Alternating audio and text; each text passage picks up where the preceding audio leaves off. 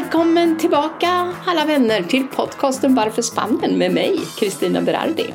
Ja, idag har jag tänkt prata om solpaneler. Eh, det sägs att vi har 320 soldagar per år. Det är ganska många. Eh, och ehm, vad gör man då? Solen ger ju energi, eller hur? Och vi har ju nu möjligheten eh, att producera egen el och minska våra kostnader. Såklart, när man gör en investering så kostar det väldigt mycket pengar från början. Och jag var ju i de tankarna att jag gör absolut ingen eh, solpanelsinstallation om jag inte räknar in det på minst, eller max, fyra år. Och eh, när jag tittade på det här för några år sedan då tyckte jag det var ganska dyrt så att eh, jag tyckte nej, det där är ingenting för mig. Men sen har ju priserna förändrats och det har skett vissa lagändringar här i Spanien. Så att eh, innan så fick man inte producera egen el. Eh, sen när man äntligen fick det då var det ju lite restriktioner med att man fick inte ta full effekt, man måste ta lite från el. Ja, det har varit massor med konstiga eh, lagar och paragrafer att hålla sig till och, och det där kändes lite osäkert och otydligt. Men eh, under de här sista åren så har det skett eh, eh enorma förändringar. Nu ser man ju varje dag företag som är inom den här branschen att installera solpaneler. Och eh, eh tanken är ju då att man ska producera sin egen el. Men eh, ni vet ju hur det är med elförbrukningen. Vissa saker har man ju står så här standby som eh, ja, datorer, printrar, kylskåp, frysar. De, de, står ju hela tiden va, och går. Och eh, ibland så använder man el intermittent väldigt mycket när man ska diska i diskmaskinen, tvätta i tvättmaskinen, laga mat, kanske dammsuga, har en jacuzzi eller pumpar till pool eller vad det nu är man har. Va? Och då pikar du naturligtvis upp. Och eh, när man gör den här installationen då görs det ju naturligtvis utifrån en beräknad eh, förbrukning av kilowattimmar. Och i mitt fall så när jag en dag bestämde mig så sa de så här, ja, det räcker med åtta paneler. Jag har åtta paneler och jag bor ju faktiskt i en lägenhet och då tänker man, vad, hur kan man ha solpaneler när man har en lägenhet? Ja, nu bor jag så lägligt på bottenvåningen och jag har en pergola som jag hade lagt ett sånt här polykarbonattak på.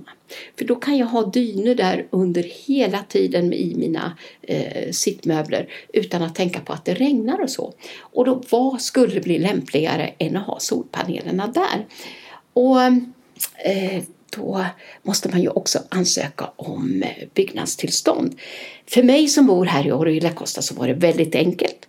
Jag tog helt enkelt en bild på min pergola här och så ritar jag i telefonen. Här har jag tänkt att solpanelerna ska vara.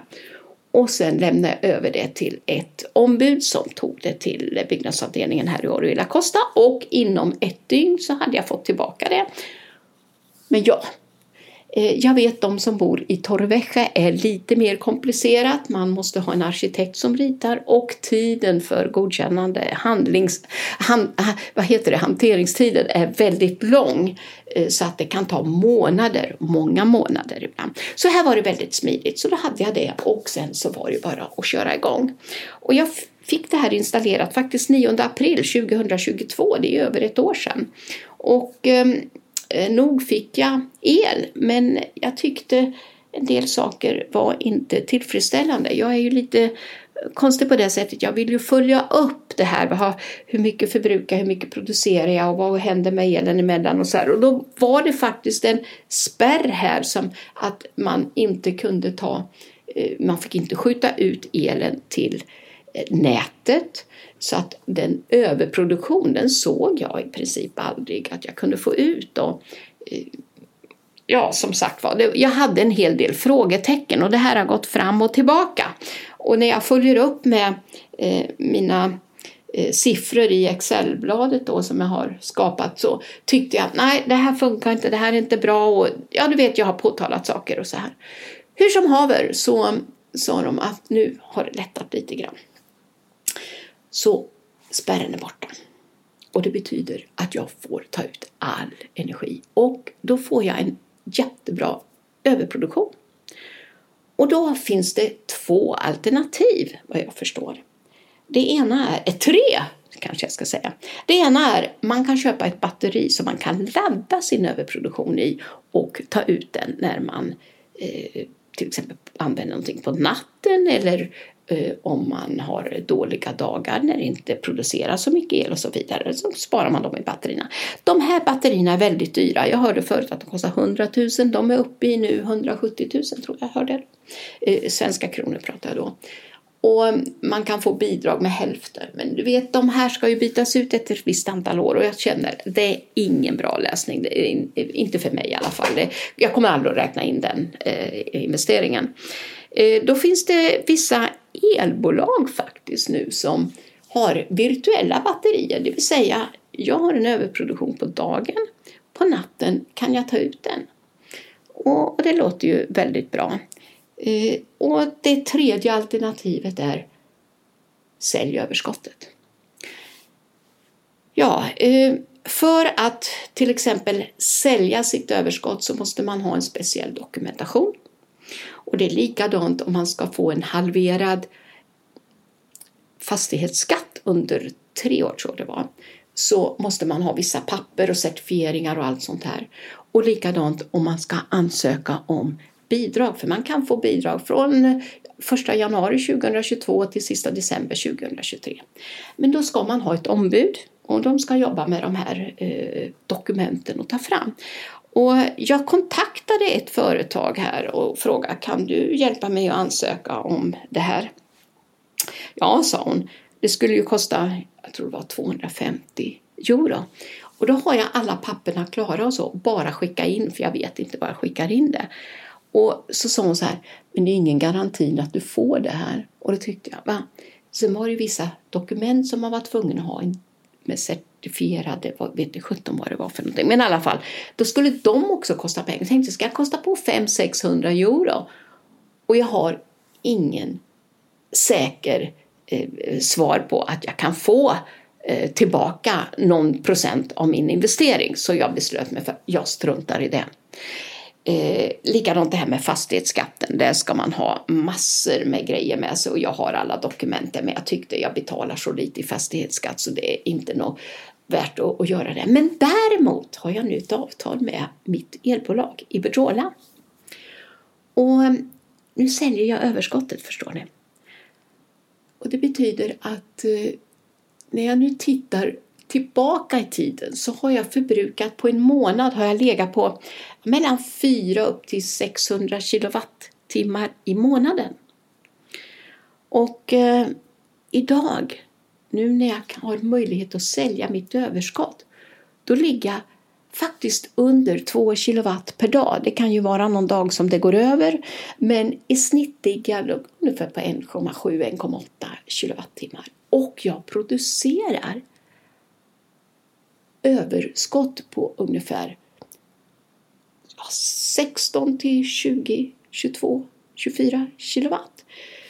Och då är det ju så här att det pris jag betalar det ligger högre. Det ligger lite mer än dubbelt så mycket än vad jag får när jag säljer. Men i och med att min förbrukning har ju minskat. Så om vi säger jag tar ut 2 kilowattimmar från nätet men jag förbrukar egentligen 5, 6 upp till 7 kilowattimmar per dygn. Så det är bara 2 kilowatt jag tar från nätet och betalar för. Och sen på andra sidan så kan jag sälja mitt överskott och då får jag 0,1 euro per kilowattimme. Ingenting tycker man, men på en månad gör det väldigt mycket. Så om jag eh, förbrukar 60 och jag säljer då eh, jätte, jättemycket mer då hamnar jag på en kostnad som är mellan 10-20 euro i månaden för elen. Och då kan ni tänka på hur lång tid min avskrivningstid är, den är ju, den är ju betydligt kortare. Den är ju nu, ja, två år snart. Så att det här var ju en himla lyckoträff att jag beställde det innan, innan eh, eh, Ukraina-kriget kom och jag har fått fördelar nu när det är så dyrt med el och sånt här. Och nu det här med att sälja. Det gick väldigt snabbt. Det tog bara fyra, fem dagar så kunde jag börja sälja till Iberdrola. Och jag är väldigt nöjd med den här lösningen. Jag vet en bekant till mig som har ett virtuellt batteri, köper elen och har virtuellt batteri hos Iberdrola. Eh, huset förbrukar ungefär 220 kilowatt eh, per månad. Och eh, ursäkta, inte månad, nu pratar jag om hur mycket han har betalat. Han har betalat ungefär 220-240 euro i månaden för sin el. Nu har den halverats. Jag tycker inte det är något bra om jag jämför med hur det har gått för mig från att betala upp till 180-230 euro i månaden och nu betalar jag runt 15 20 euro så är det en viss skillnad, eller hur? Så jag, jag, kan rekommendera alla att titta på de här lösningarna. Och den som installerar min, eh, eh mina solpaneler, det kommer jag att skicka länk till företaget och sånt sen. För jag är jättenöjd med hanteringen, servicen och det jag har fått av det här. Jag är så nöjd med den här. Men vad har jag lärt mig då förutom det här? Jo, eh, olika saker. Jag lär mig ungefär hur mycket drar olika saker i mitt hem. Vi har på, i vår urbanisation har vi faktiskt solpaneler för varmvattnet och det är väldigt bra. Och det tycker man ju, då får man ju gratis varmvatten och det får man ju i och för sig betala för vattnet. Men det jag har upptäckt det är det att pumpen, den här shunten som man har, den drar jättemycket el och den går in ibland och, och styr det här på nätterna så det drar väldigt mycket el. Så där har jag satt en timer nu.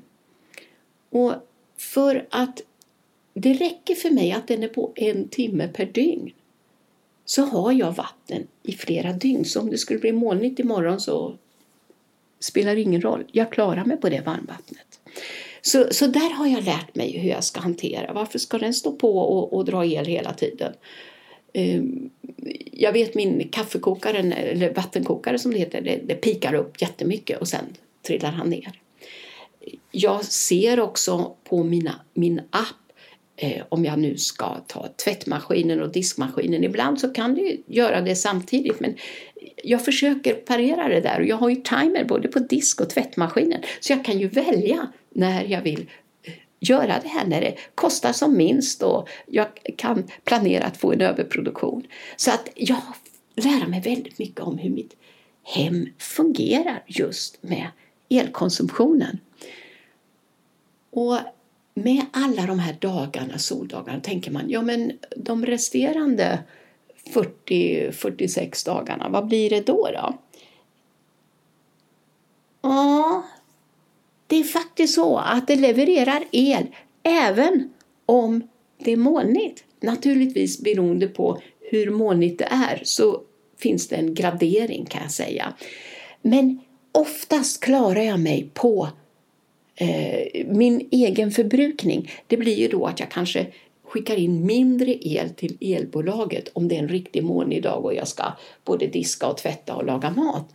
Så jag känner mig så himla sparsam faktiskt. Att, eh, alltså, levererar ju hela tiden. Jag glömde ju också säga att eh, min pergola, min tomt, går ju mot söder så alla mina paneler ligger mot söder och jag har ingenting som skymmer dem. Och just nu, nu är vi här på 8 maj, så startar mina paneler att leverera eh, el redan vid 20 över 7 lite grann. Och så håller han på ungefär till kvart 20 över åtta på kvällen så att det är väldigt lite på start och stopp, va? slut. Men mitt under dagen så pikar det upp. Och eh, man kan följa de här kurvorna. Jag tycker det är så himla bra. Jag vill ju veta, jag vill ju förstå. Och det här har ju lärt mig hur man ska tänka med med elen och konsumtionen. Och sen är det ju det som ligger mig väldigt varmt om hjärtat. Miljötänket. Jag behöver inte använda någon ändlig resurs som olja och gas. Och behöver inte ta elen från nätet som också kanske kan tas från sådana eh, resurser. Men, så det här är ju väldigt bra. Det jag inte tänkte på så mycket i början som jag börjar tänka nu, det ger ju ett mervärde till fastigheten. Jag menar, ska man en dag sälja den så måste den ju vara värd mycket mer. Hur mycket mer vet jag inte. Men helt klart så bidrar den till en, en eh, ökning av fastighetsvärdet. Solen är ju här och eh, jag hör människor säga att det drar mer el på luftkonditioneringen när det är varmt om man vill ha kyla eller när det är kallt och så vidare. Jag vet inte, jag har inte kollat upp om det är någon eh, relevans i den eh, grejen men jag har möjligheten nu att sätta på luftkonditioneringen och leverera in mindre till nätbolaget under dagen när det är varmt. Just nu på våren här och eh, även på hösten så behövs jag inte. Jag behöver varken värma upp eller kyla ner min bostad. Jag ligger mot söder så det blir väldigt varmt. Även på vintern när det är kallt är det sällan jag har luftkonditionering. Då ska det vara riktigt regnigt och gråkallt och sådär rått. Då har jag luftkonditioneringen på. På sommaren är det klart bra att ha kylningen på för att orka. Förra om åren så använde inte jag den, men det gjorde jag faktiskt förra året. Och det kommer jag nog att göra i år med. Eh, så, så det känns väldigt skönt att man har någonstans man kan gå in och koppla av från värmen i och med att jag ligger mot söder så jag har solen ligger på hela dagarna. Och då säger man så här, ja men du bor ju i en urbanisation i en lägenhet, ja du har en pergola, men kan alla göra det? Det beror ju på var bostaden ligger, hur stor area du har. Vi har ju sagt i vår urbanisation att vi har möjlighet att installera solpaneler, men inte på urbanisationens eh, ägodom eh, utan det får vara på ens privata men inte på fasader. Så de som har till exempel tak kan ju sätta på sina tak för det skymmer ju ingenting, det reflekterar ingenting och det är också viktigt att tänka på att du får inte sätta upp några solpaneler som hindrar sikten eller någonting till dina grannar. Det är också en regel som vi har. Så att en del har ju också eh, läget söder eller öster eller väster och kan få mer eller mindre av det här. Men jag har ju, tack och lov, eh, guldläget här. Va? Och så, så jag måste säga, jag rekommenderar alla att titta på det här. Framförallt om du bor i Spanien. Jag brukar också säga så här, jag skulle inte kunna tänka mig att köpa en bostad som inte redan har solpaneler installerade. För det är dyrt att ha el, tycker jag. Eh, I och med att jag är så nöjd och jag har lärt mig så mycket under det här året och lite drygt mer så tänkte jag nu ska vi börja se över det här där jag bor i vår urbanisation också. För vi har en solsjöklapp, vi har mycket area som vi kan sätta paneler på. Och som jag sa, har man en pool man ska värma upp och ligga på ett tag, har du pumpar Alltså pumparna som går hela tiden för olika saker, de drar jättemycket har jag lärt mig. Jag hade ju en jacuzzi här och eh, när jag låg på 39 grader så låg jag ganska konstant där. Det drog inte mycket el för jag hade ett tjockt täcke över den. Men det som kostade pengar det var när pumparna, reningen gick igång och, och, och, och alla sådana här saker. Då förbrukade jag bara för jacuzzin ungefär 7 7,5 kilowatt per dag. Inklusive min vanliga del. Så att vi kan säga om du drar bort två så kan vi säga 5,5, 5-6 kilowatt per dag för, för den. Så jag beslöt mig för att sälja den. Jag var ju nästan aldrig och använde den. Vad ska jag ha den kvar här för då? Jag inte använder den. Och då har jag fått en lite mer öppen och ljus trädgård tack vare det också. Så hörni, tänk på det här med solpaneler om du har möjlighet. Det är världens chans. Du behöver inte oroa dig för dina elräkningar i framtiden och du bidrar till den goda miljön. Tack så hemskt mycket från mig. Ha det bra. Hej då!